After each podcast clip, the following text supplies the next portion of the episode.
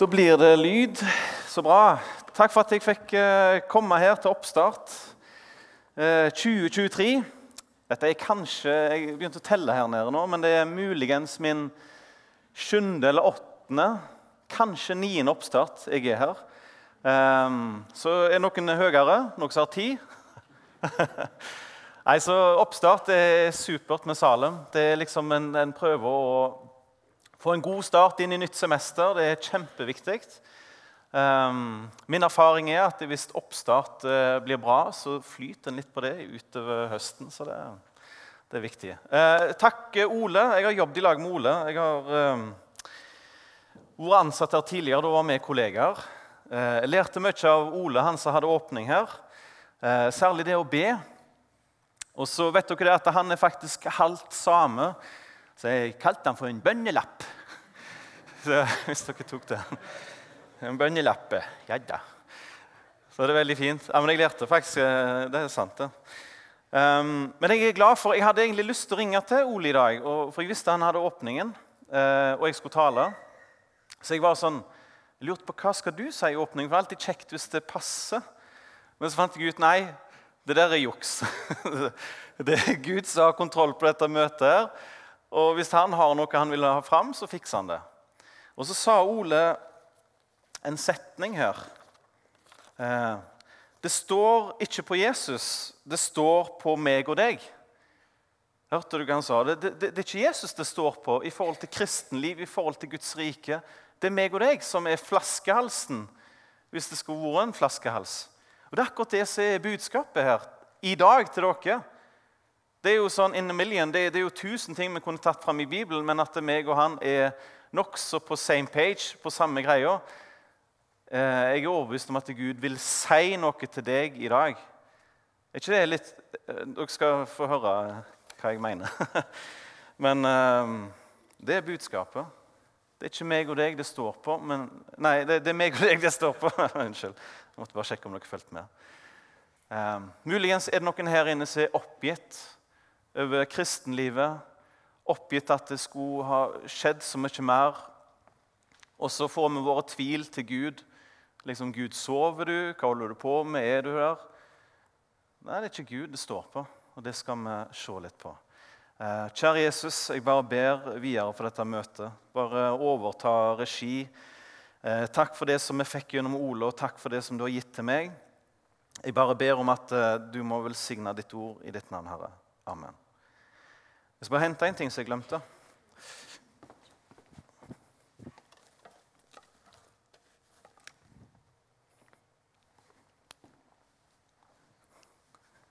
Det er en uh, taler sin bestevenn.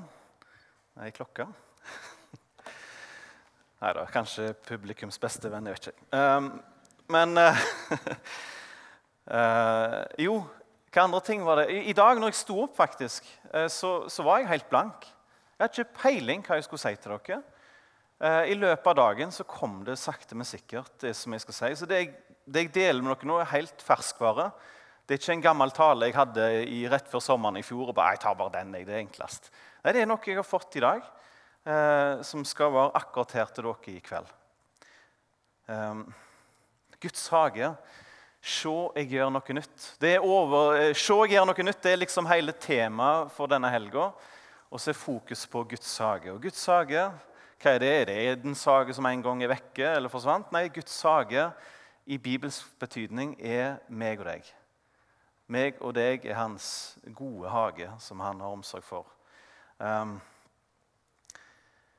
og I går så snakket vi om dette med å se noe nytt. Vi gikk gjennom boka Jesaja. Vi gikk gjennom den og så litt på hva Jesaja har erfart.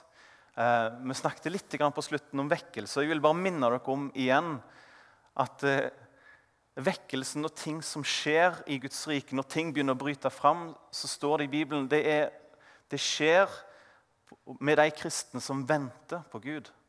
Bare legg merke til dette ordet her. Gud får gjøre noe nytt der det er hans folk som venter på ham. Det, det, det, går igjen i Bibelen. Vent på Gud.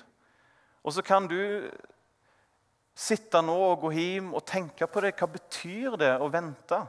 I sånn åndelig forstand. Ikke vent på bussen, ikke vent på lønna, men Men hva betyr det å vente på Gud, egentlig? Jeg skal ikke gi noe ferdigtygd svar, men jeg ber deg om å gå inn i lønnkammer. Vis meg, Gud, hva betyr å vente på deg. Please, gjør det. Eh, ta det med dere fra denne helga. Men jeg skal snakke om Guds vingård, som er meg og deg. Og jeg fortsetter med Jesaja eh, og finner noe gull derifra. Dere klarer å lese? Yes. Eh, Guds vingård, Jesaja 5, 1-5. Og jeg vil bare si bakteppet her. Eh, Israelsfolket har i, i, mange år, kanskje flere hundre år, eh, etter at de ble ført ut av Egypt, etter at de fikk sitt eget land, etter at de eh, fikk eh, Guds bud og lover, gode lover og regler, så hadde de gang på gang feila. Gang på gang vendte de seg vekk fra Gud og I denne tida som de fikk dette budskapet, her, så var Israel for å si det rett ut, det var råttent. Og så kommer dette budskapet her, der det står Min elskede, altså Gud, har en vingård Israel, oss, på en overmåte fruktbar høyde. Han hakket den opp og renset den for stein han plantet edle vintrær i den. Midt i den bygde han et tårn og hogg ut en vinpresse der. Så forventet han at den skulle gi druer, men råtten frukt var alt den ga. Og nå, du som hører til Jerusalem, du mann av Juda, døm nå mellom meg og min vingård. Hva mer var det å gjøre for min vingård som ikke jeg skulle gjort med den? Det er budskapet. Hva mer var det å gjøre for min vingård som ikke jeg skulle gjort med den? Når jeg forventet at den skulle gi druer, hvorfor ga den ikke annet enn råtten frukt? Nå vil jeg la dere få vite hva jeg skal gjøre med min vingård. Jeg tar bort gjerdet fra den, så den blir beitet snau. Jeg river ned muren omkring den, så den blir nedtråkket. Gud hadde advart israelsfolket klart og tydelig. Følger dere mitt ord, holder dere nær meg, så skal dere få en velsignelse.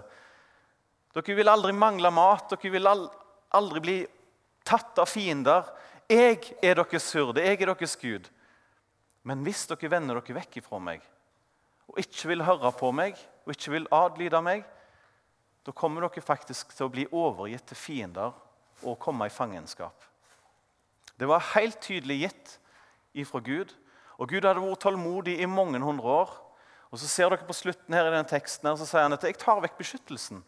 Det er egentlig det Gud sier på slutten. 'Jeg tar vekk gjerdet, jeg tar vekk uh, muren', sånn at han blir nedtråkt.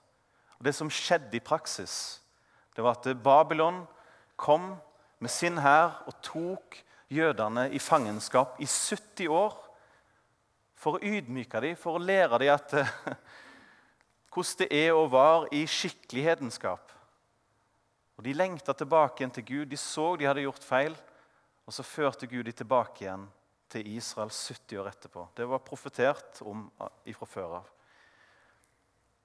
Men så kommer dette her, det er så tydelig at det, eh, vi som kristne i dag da, Vi kan tenke hvorfor gjør ikke Gud mer? Hvorfor skjer det ikke mer i mitt liv? Hva er det Gud egentlig holder på med? Nå hører han meg. Det står ikke på Gud.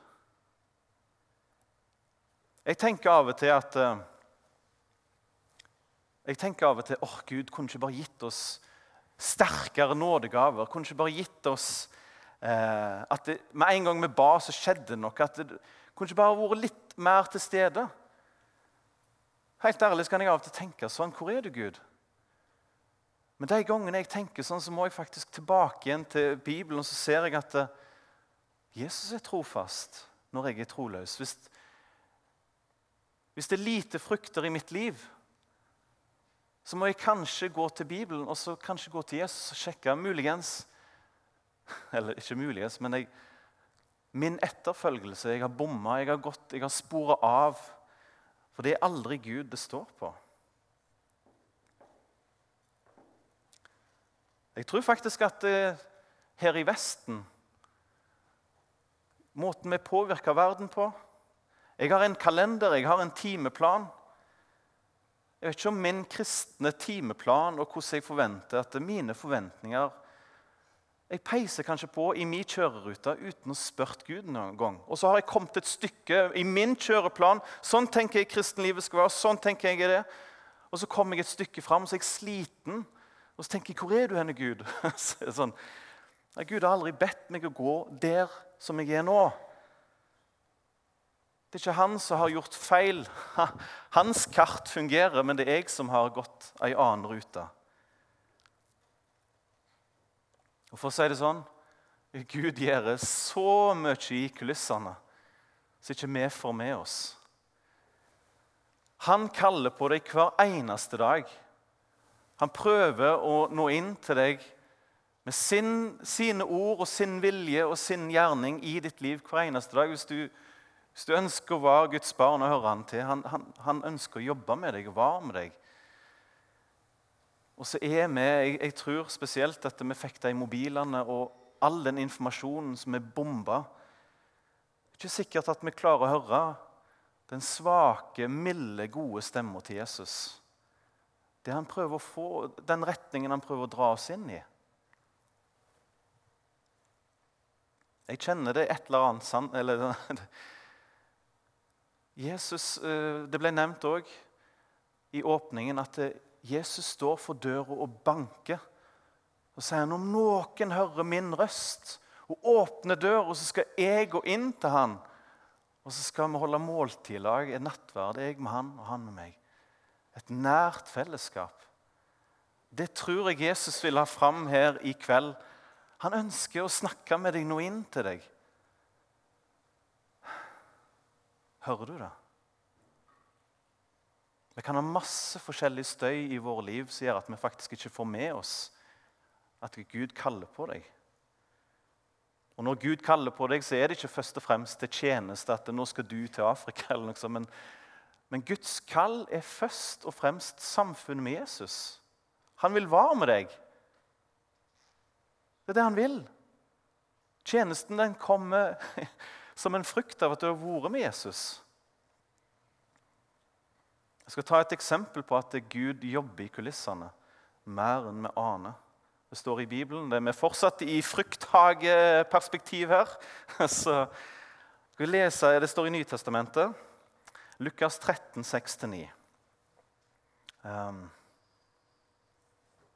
og Før jeg bare nevner dette her Jeg sa i går at når jeg var rundt omkring 20 år, så så ble jeg kalt på ny til å følge Jesus. Jeg satt og leste Bibelen et halvt år.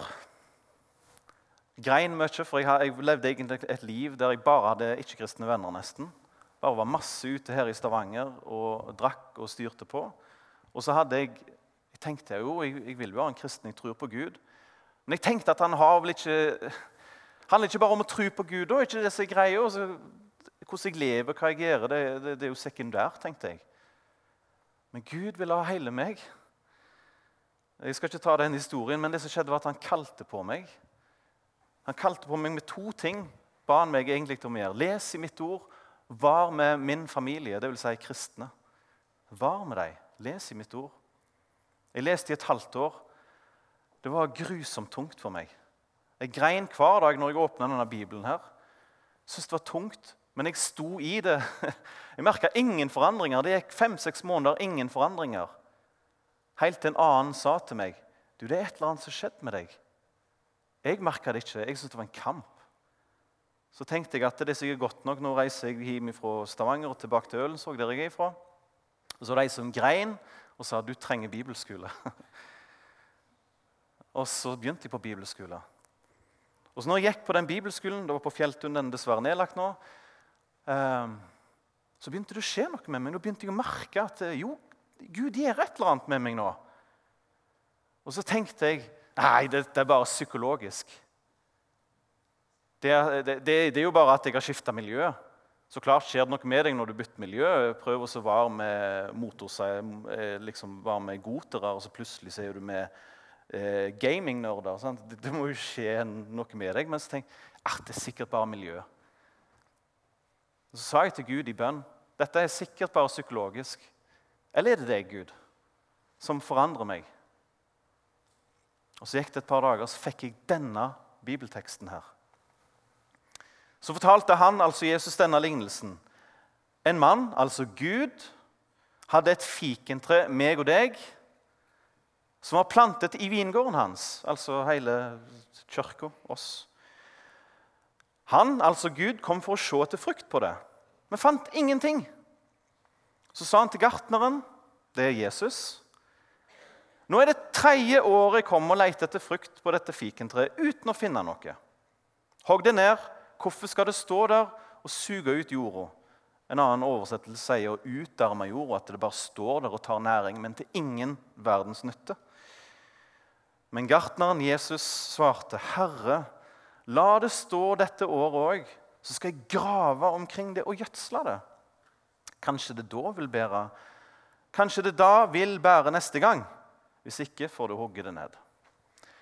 Grunnen til at jeg eh, når jeg leste det, tenkte at dette er Guds svar til meg, fordi når jeg ble kristen som 18-åring, så hadde det gått tre år der jeg hadde min egen måte å være kristen på. Uten noe verdensfrukt. Jeg hadde én fot i verden og én fot i Guds rike.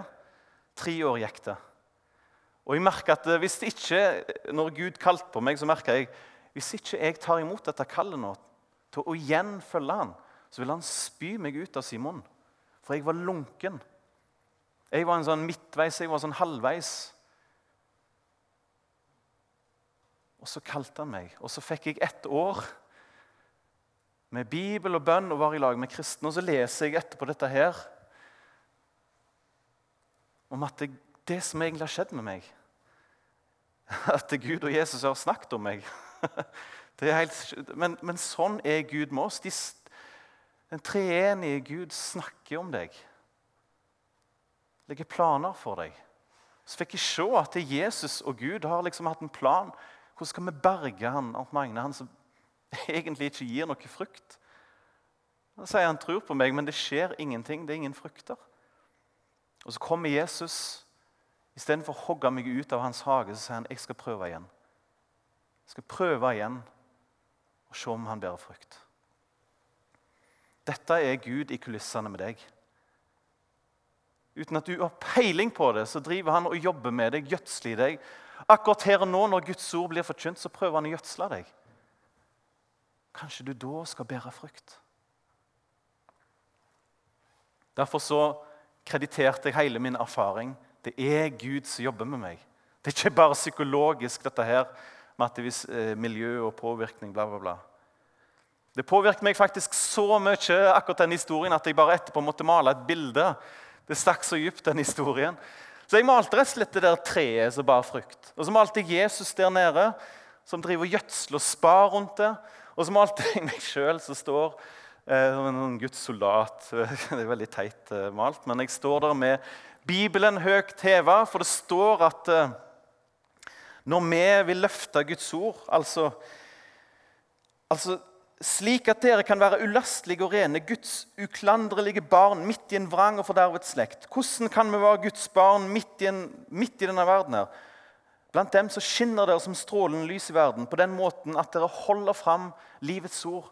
Hold fram dette ordet her! La det være det viktigste for deg i livet.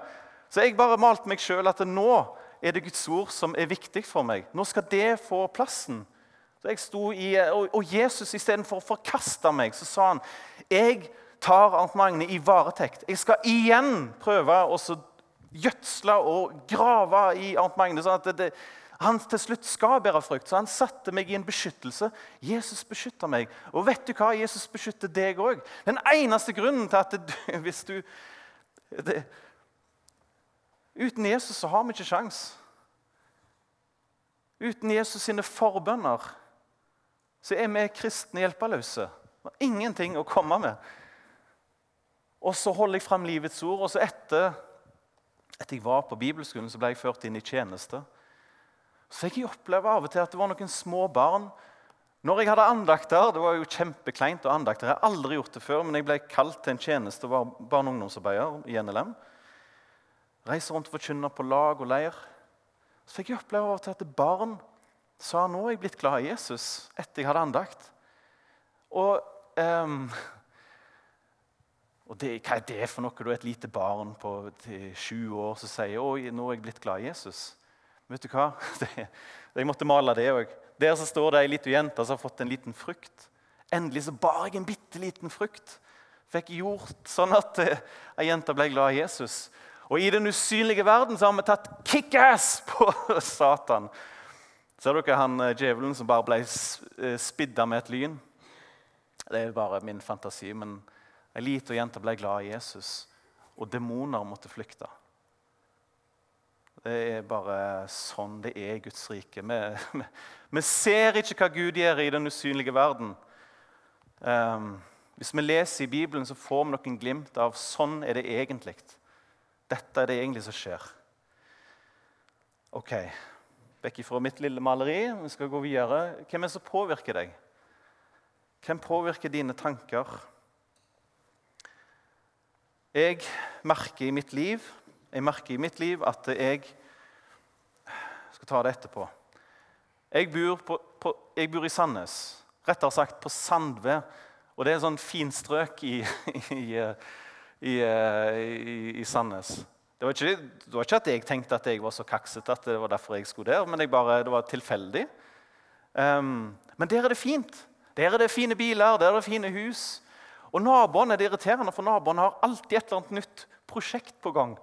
Det er, sånn, det er alltid en eller annen elektrisk, nei, ikke, en eller annen sånn fagmann som ruller inn gjennom gata vår for å pusse opp en eller annen kjeller eller for å fikse en hage. Faktisk kommer av og til arkitekter til, til, vårt strøk og ser på hager for å finne ut hvordan kan vi gjøre denne hagen skikkelig. Vi som har arkitekt til hage, tenker jeg. Men sånt skjer der jeg bor. Men jeg merker at når jeg ser på liksom at eh, Nå har disse her jobbet i et par måneder i hagen til denne, så ser jeg at det blir jo jammen meg fint òg. Så ser jeg på min hage og så bare Æh. Så er mitt budsjett liksom på 10 000 og naboen sitt budsjett på en halv million. Så jeg bare ja. Men det, jeg kjenner liksom at jeg blir påvirka av det. da. Jeg vil ha det sånn. Og så får naboen en ny bil. så bare sånn, så jeg har, eh, I går så fortalte jeg at bilen min bare eksospotter bare datt av. Og de andre ruller rundt med Teslaer, og jeg har en sånn gammel bil fra 1996. En Spacewagon som ikke ser ut. liksom. Det er klart jeg blir litt sånn påvirka. Ah. Så det, det, er rart. Men jeg merker det, jeg blir påvirka. Og Senere leste jeg et bibelvers om akkurat dette her. Så talte til meg, i alle fall. Er dere da reist opp med Kristus, søk det som er der oppe, hvor Kristus sitter ved Guds høyre hånd. La sinnet være vendt mot det som er der oppe, ikke mot det som er på jorden. Dere er jo døde, og deres liv er skjult med Kristus i Gud. Jeg kjenner det taler til meg, altså, særlig i Norge. Og Dette har blitt verre for meg når jeg har fått mer ressurser. Jeg vet hvordan jeg skal snekre litt, jeg vet hvordan jeg skal gjøre sånne ting mer enn når jeg var 18 år. Eksempel. Muligheten er større der. Men fri meg, Gud, ifra å tenke at det er det som er livet. Å få hytta der og få sånn der. Liksom, for vi drukner disse tingene i Norge. Virker, men vet du hva som virkelig er gøy? Det som Virkelig er gledelig det er når andre tar imot Jesus. Det er når jeg sjøl får kjenne på at jeg blir ledet av Jesus, at Jesus styrer meg nå. Og det at jeg får se at andre rundt meg blir fornya eller tar imot Jesus. Det er gleder Oi. Det er gleder som er verdt å ta med seg. Nå, når jeg har jobbet i, eh, jeg har, jeg har jobbet i Norsk Luthersk Misjonssamband når jeg var ettåring, så bare balte det på seg. Så jeg har jobbet nå kanskje i 16 år. Jeg har fått masse mer erfaring enn jeg hadde før. Og Her er mine første oppdrag. Jeg skal bare si litt om det var avhengig av Jesus. Eh, der sitter jeg. Eh, jeg har fått en sånn glorie rundt meg. Sitter, sitter der i Røldal og har barnelag der. Meg og ei annen reiste opp og hadde møteveke eller barneveke der oppe. Og Før jeg sa ja til sånne ting, så sjefen min spurte har du lyst til å gjøre ditt, har du lyst til å gjøre datt, så sa jeg alltid Du, jeg må be om det. Jeg må be, og, og, og så får du et svar. Og så ble sjefen min han ser opp i det høyre hjørnet der, at han eh, ble nesten litt sånn sur på meg. Be om det, sa han en gang. Skal du be om det? Ja, jeg må det. Jeg, jeg, jeg, jeg kjente inni meg jeg, kan nesten ingenting fra Bibelen. Jeg har ingen erfaring. Jeg må be, Hvis jeg skal ta dette oppdraget, her, så må jeg be og få, få fred om at det er Gud med meg. Jeg har ikke peiling på dette. her. Jeg. Så Etter hvert så år og oppdraget rulla på, jeg fikk mer erfaring, jeg fikk mer bibelkunnskap, så begynte jeg å slutta med det der å be. Når jeg fikk et spørsmål kan du tale der, kan du gjøre sånn? Eh, ja, skal vi se, jeg er ledig. Greit. Jeg bare kjører på. Så tenker jeg det er noe fint med det der å legge ting i Guds hender, både små og store ting. Faktisk før, Nå skal jeg få et teit eksempel på eh, hvordan jeg kunne være eh, før, som jeg har mista litt av. det. Men jeg eh, hadde en kjæreste som ble kona mi til slutt. For, og Jeg bodde før i Haugesund, og hun bodde i Stavanger. Og Så spurte hun meg da «Å, kan ikke du komme på besøk til meg. Så sa jeg faktisk eh, det må jeg be litt over. Vent litt. og så jeg la på. og så, eh, Hun heter forresten Randa, da, eh, kona mi. Og så leste jeg i Bibelen. Og så, så, leste jeg faktisk dette verset her. Nei, dette eh, Jeg leste i Bibelen om at Jesus sendte disiplene sine i båten over til den andre sida. Da tenkte jeg ja, da hiver jeg meg i bilen. Randa, jeg kommer! Jeg er på ferja nå! Men det er litt sånn teit. Jeg vet ikke om vi trenger å ha et bibelvers for alt vi gjør. Det, det kan komplisere ting. Men poenget er det er fint å legge både små og store ting i Guds hender. Spør Gud om råd. Han har behag i det. Det står faktisk et bibelvers i forhold til det når vi legger planer. og sånt, så står det faktisk et bibelvers. Istedenfor å bare gjøre ting, så skal du si i stedet skal dere si om Herren vil, så skal vi leve og gjøre det ene eller det andre. Leve i en sånn nærhet til Han i, i alt. For Jesus vil ha del i hele ditt, liv. Ikke bare i liksom det vi kaller for trua eller tjenesten, men i hele ditt liv. På arbeidsplassen, i venner, i familien, hjemme. Han vil være med deg. Og så syns jeg det er noe Vi liker jo ikke å være avhengig av hverandre. Jeg merker det at Når jeg mangler verktøy, og så er det sånn ah, Skal jeg gå på butikken og kjøpe det verktøyet, eller skal jeg gå til naboen og snulte på han? Så føler jeg meg teit når jeg går bort til han. Du, om du har en sånn jekk til låns. Jeg syns det er litt teit av og til å være avhengig, spørre folk om hjelp. Men med Jesus er det helt omvendt. Det er sånn det skal være. Leser Johannes 15 at uten meg så kan dere ikke gjøre noen ting.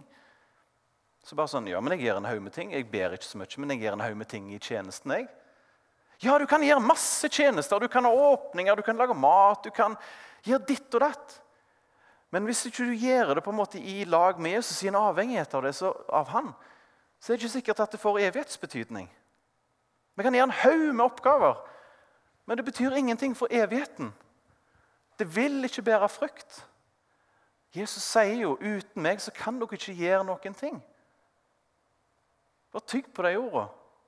Og så er det herlige ord òg, for det er sånn Jeg skal bli satt fri ifra kristelig strev og tomhet. Han skal fylle meg og gi meg det jeg trenger og bære frukt. Jeg må bare si når Gud tar kontrollen Jeg har jobbet på Lundanes et par år. Jeg ser faktisk et par som var der når jeg, eh, så jeg kjenner igjen. Men vi var der eh, noen år. Og så var det ett møte, husker jeg. Der etter møtet, Det var et helt vanlig møte, men etter møtet så var det ingen som ville gå. Så jeg, jeg, var, jeg, snakket med de andre, Det var et par andre lærere som var på Lundanes på det møtet. Så jeg måtte gå bort bare sånn Hva gjør vi nå? De vil ikke gå. Jeg vet ikke, jeg.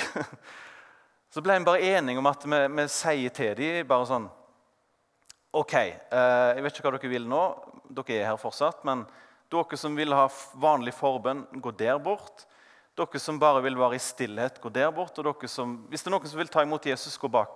Sett dere der. Og Det satte seg noen i hver avdeling, og møtet varte utover. Og Jeg måtte bare tenke hva var det som gjorde at dette skjedde? Jeg har ikke peiling, men jeg tror noen har bedt. Det eneste svaret jeg finner, det er noen som har bedt for dette møtet her. Og Det er ingen smart strategi, det er ingen kløkt vi har gjort. Men Gud bare tok kontrollen.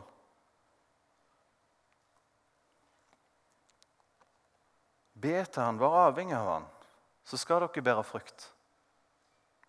Jeg skal oppsummere hele denne talen i ett vers fra Jesaja. Herren skal alltid lede deg. Du skal ikke legge egne planer for ditt kristenliv. Du skal ikke leve ditt kristenliv. Kristus er ditt liv. Det står faktisk at, at Kristus er vårt liv. Det er han som virker i deg. Det er han som skal jobbe og leve. Lytt til hva han sier til deg. Herren skal alltid lede deg og mette deg i det tørre land. Han skal gi deg nye krefter, så du blir lik en vannrik hage, ja, som et kildevel der vannet aldri svikter. Åh, Ta med deg det. Det er ikke oss. Det er ikke Jesus det står på, men det er, det er meg og deg som har skjært av feil. Så vi kjenner at alt er bare tomt og meningsløst. Trua henger i en tynntråd. Gå til Jesus. Kalibrer trua. Særlig her i Vesten så tror jeg vi har, er mange ting vi er blinde på som kristne. Mange ting vi i Vesten er blinde på.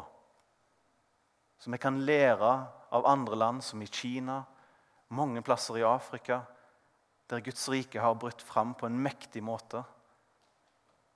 Og De sitter ikke en liten halvtime på møtet. Der går ofte Der er de bare i lag. Klokka fins ikke. De er i lag for å tilbe Herren. Det er spesielt å se av og til. Kjære Jesus, jeg bare overtar dette her. Jesus, jeg tror vi har fått et budskap om at det er Du vil noe med oss, og så er det ofte vi som er flaskehalsen. Ofte vi som ikke hører etter. Vi vil ikke vente på deg, vi vil ikke lytte til deg.